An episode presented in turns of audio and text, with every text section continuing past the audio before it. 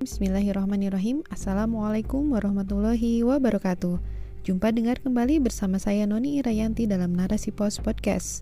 Narasi Pos cerdas dalam literasi media Bijak menangkap peristiwa kunci.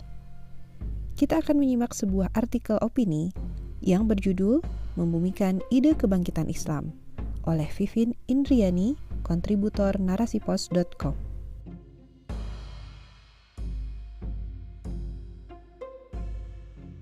Semua kekayaan serta kesuksesan sebuah peradaban ditentukan oleh seberapa hebat pemikiran yang diusung masyarakat. Meski kekayaan material sebuah bangsa hancur tak bersisa, mereka akan segera mampu bangkit dengan cepat selama pemikiran masih terpelihara dalam benak mereka. Selengkapnya.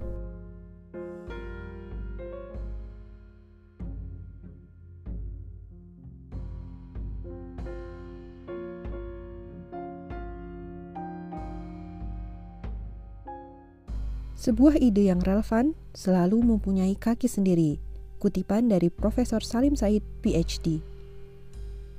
Ide kebangkitan Islam sebagai sebuah supremasi hukum dan institusi masih ramai diperbincangkan. Tak sedikit yang pro dan memiliki euforia tinggi untuk menyongsong janji kenabian yang banyak dituturkan dalam hadis-hadis. Namun, banyak juga yang kontra dengan berbagai alasan, baik alasan logis maupun sekedar demi memuaskan ego pribadi dan kelompoknya. Akan tetapi, sebagai sebuah gagasan, ide kebangkitan kembali Islam ini cukup layak untuk diuji sebagai salah satu dari sekian banyak tawaran sistem pengganti atau setidaknya solusi fundamental bagi kerusakan negara dan dunia pada umumnya. Sebuah gagasan perubahan bagi bangsa yang terkatung-katung oleh ketidakpastian praktik penerapan kapitalisme liberalisme hari ini. Bagi negara seluas Indonesia dengan masyarakat yang fragmented society, yaitu tidak punya kesamaan latar belakang baik sejarah maupun kesamaan jenis latar belakang lainnya, ide ini membutuhkan pergerakan yang tidak sekedarnya. Perlu upaya sungguh-sungguh untuk membumikan gagasannya. Gagasan ini juga harus mampu untuk menemukan relevansi pada kondisi yang mereka hadapi di balik masa sekarang maupun di masa yang akan datang. Yang paling menjadikan adalah jika sebuah ide dan gagasan justru tidak menemukan makna di tengah masyarakat yang buta gagasan, buruk literasi, serta memiliki kesulitan untuk menerjemahkan teks ke dalam konteks. Dalam arti, sebuah masyarakat yang rendah taraf berfikirnya. Inilah tantangan terberat yang dihadapi negeri ini.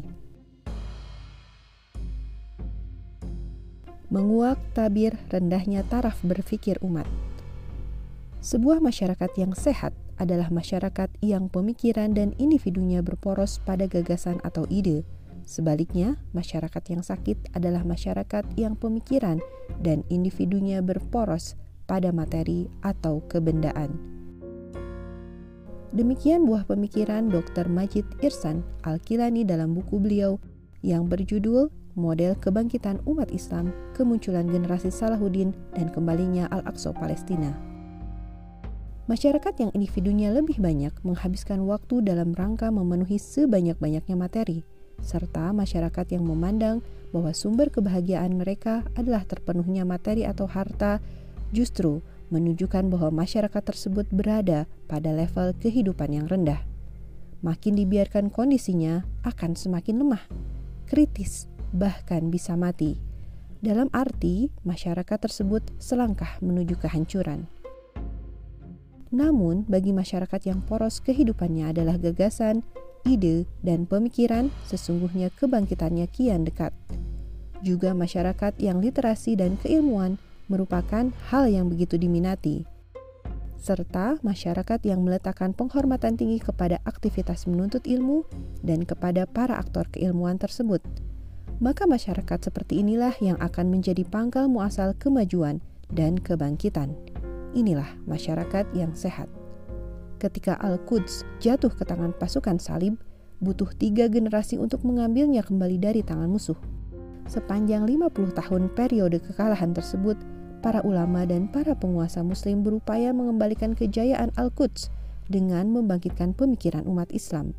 Pendidikan menjadi salah satu pilar untuk melahirkan generasi-generasi yang siap memanggul kebangkitan, mengalahkan musuh, serta mengembalikan kemuliaan Al-Quds dengan cara menjadi penguasa tanah yang diberkahi tersebut. Maka lahirlah kemudian generasi yang bangkit itu melalui sosok Salahuddin Al-Ayubi menaklukkan kembali Al-Quds dari tangan pasukan salib tanpa banyak menumpahkan darah. Tentu saja hadirnya generasi pembangkit ini adalah peran dari tingginya pemikiran Islam di tengah masyarakat. Ketika kita berbicara tentang penaklukan Baitul Maqdis, kita tidak hanya sedang berbicara tentang sosok di balik penaklukan itu, baik oleh Umar bin Khattab di tahun 638 Masehi maupun oleh Salahuddin Al-Ayubi di tahun 1187 Masehi. Keduanya hidup di era ketinggian sakofah dan pemikiran Islam.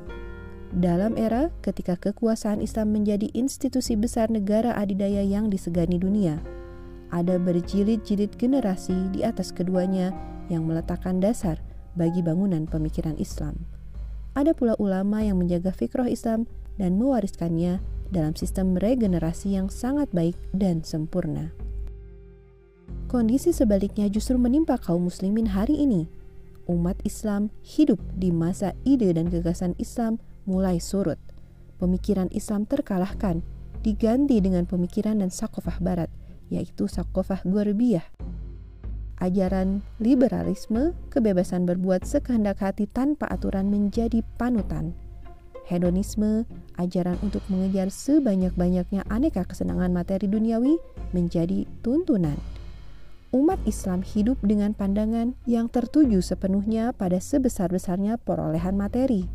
Gelar, jabatan, serta gemilang kekayaan menarik minat umat akhir zaman ini lebih besar dari minatnya kepada ketinggian gagasan dan pemikiran. Wajar jika saat ini kondisi mereka demikian mengenaskan.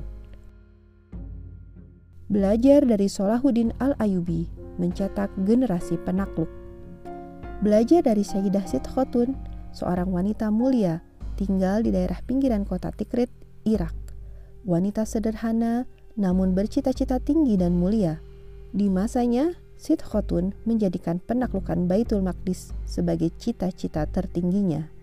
Kiblat pertama umat Islam yang kala itu berada dalam cengkrangan pasukan salib.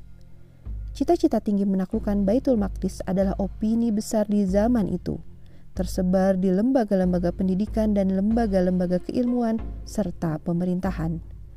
Para ulama dan penguasa muslim berlomba-lomba mencetak dan mengkader generasi-generasi penakluk perasaan dan pemikiran masyarakat tertuju sepenuhnya pada pengambil alihan kembali kiblat pertama umat Islam tersebut. Maka demikian, Sid Khotun cita-citanya bersanding dengan laki-laki yang mampu menaklukkan Baitul Maqdis dipertemukan Allah dengan Najmuddin Al-Ayubi, laki-laki soleh dari kalangan keluarga khalifah yang punya cita-cita sama. Keponakan Nuzurin Zangki, panglima besar Islam yang telah mempersiapkan penaklukan besar-besaran Baitul Maqdis. Najmuddin Al-Ayubi berikut cita-cita besarnya kala itu memimpikan beroleh istri yang dari rahimnya lahir generasi penakluk Baitul Maqdis. Dari dua pasangan mulia inilah lahir sosok Solahuddin Al-Ayubi. Kita menyaksikan bahwa ide dan gagasan kebangkitan menjadi kekuatan besar sebuah peradaban. Pemikiran menjadi poros bagi materi dan individu. Nafas masyarakat tergerak oleh pemikiran yang menjadi oksigen kebangkitan. Pemikiran jualah yang menginspirasi masyarakat untuk bergerak ke arah tujuan yang hendak dicapai. Namun, pemikiran seperti apa yang mampu membangkitkan umat Islam hari ini? Pemikiran semacam apa yang mampu menyatukan cara pandang masyarakat yang sudah sangat terpuruk dan jumud? Imam Taqiyuddin An-Nabhani dalam Mukadimah Nizamul Iktisodi menyampaikan bahwa pemikiran merupakan kekayaan terbesar sebuah bangsa. Semua kekayaan serta kesuksesan sebuah peradaban ditentukan oleh seberapa hebat pemikiran yang diusung masyarakat. Meski kekayaan material sebuah bangsa hancur tak bersisa, mereka akan segera mampu bangkit dengan cepat selama pemikiran masih terpelihara dalam benak mereka. Allah Subhanahu wa Ta'ala berfirman, yang artinya, "Sesungguhnya Allah tidak akan mengubah keadaan suatu kaum sebelum mereka mengubah keadaan diri mereka sendiri. Terjemah Quran Surat Ar-Ra'du ayat 11 pengkajian mendalam terhadap fakta serta sejarah kebangkitan Islam bahwa mesin-mesin perubahan hanya diproduksi oleh jiwa-jiwa yang tidak kosong dari pemikiran Islam. Untuk itu, membumikan ide kebangkitan tidak bisa dilakukan kecuali dengan memasukkan sebanyak mungkin pemikiran sakofah Islam ke dalam diri umat. Umat harus mengenali kembali sakofahnya yang kini terasa asing bagi mereka. Umat harus dibuat rindu pada penerapan pemikiran Islam itu. Tidak sekedar mereka melihat ada keuntungan dari diterapkannya pemikiran Islam atas kehidupan mereka, namun memahami bahwa penerapan fikroh Islam adalah sebuah kewajiban.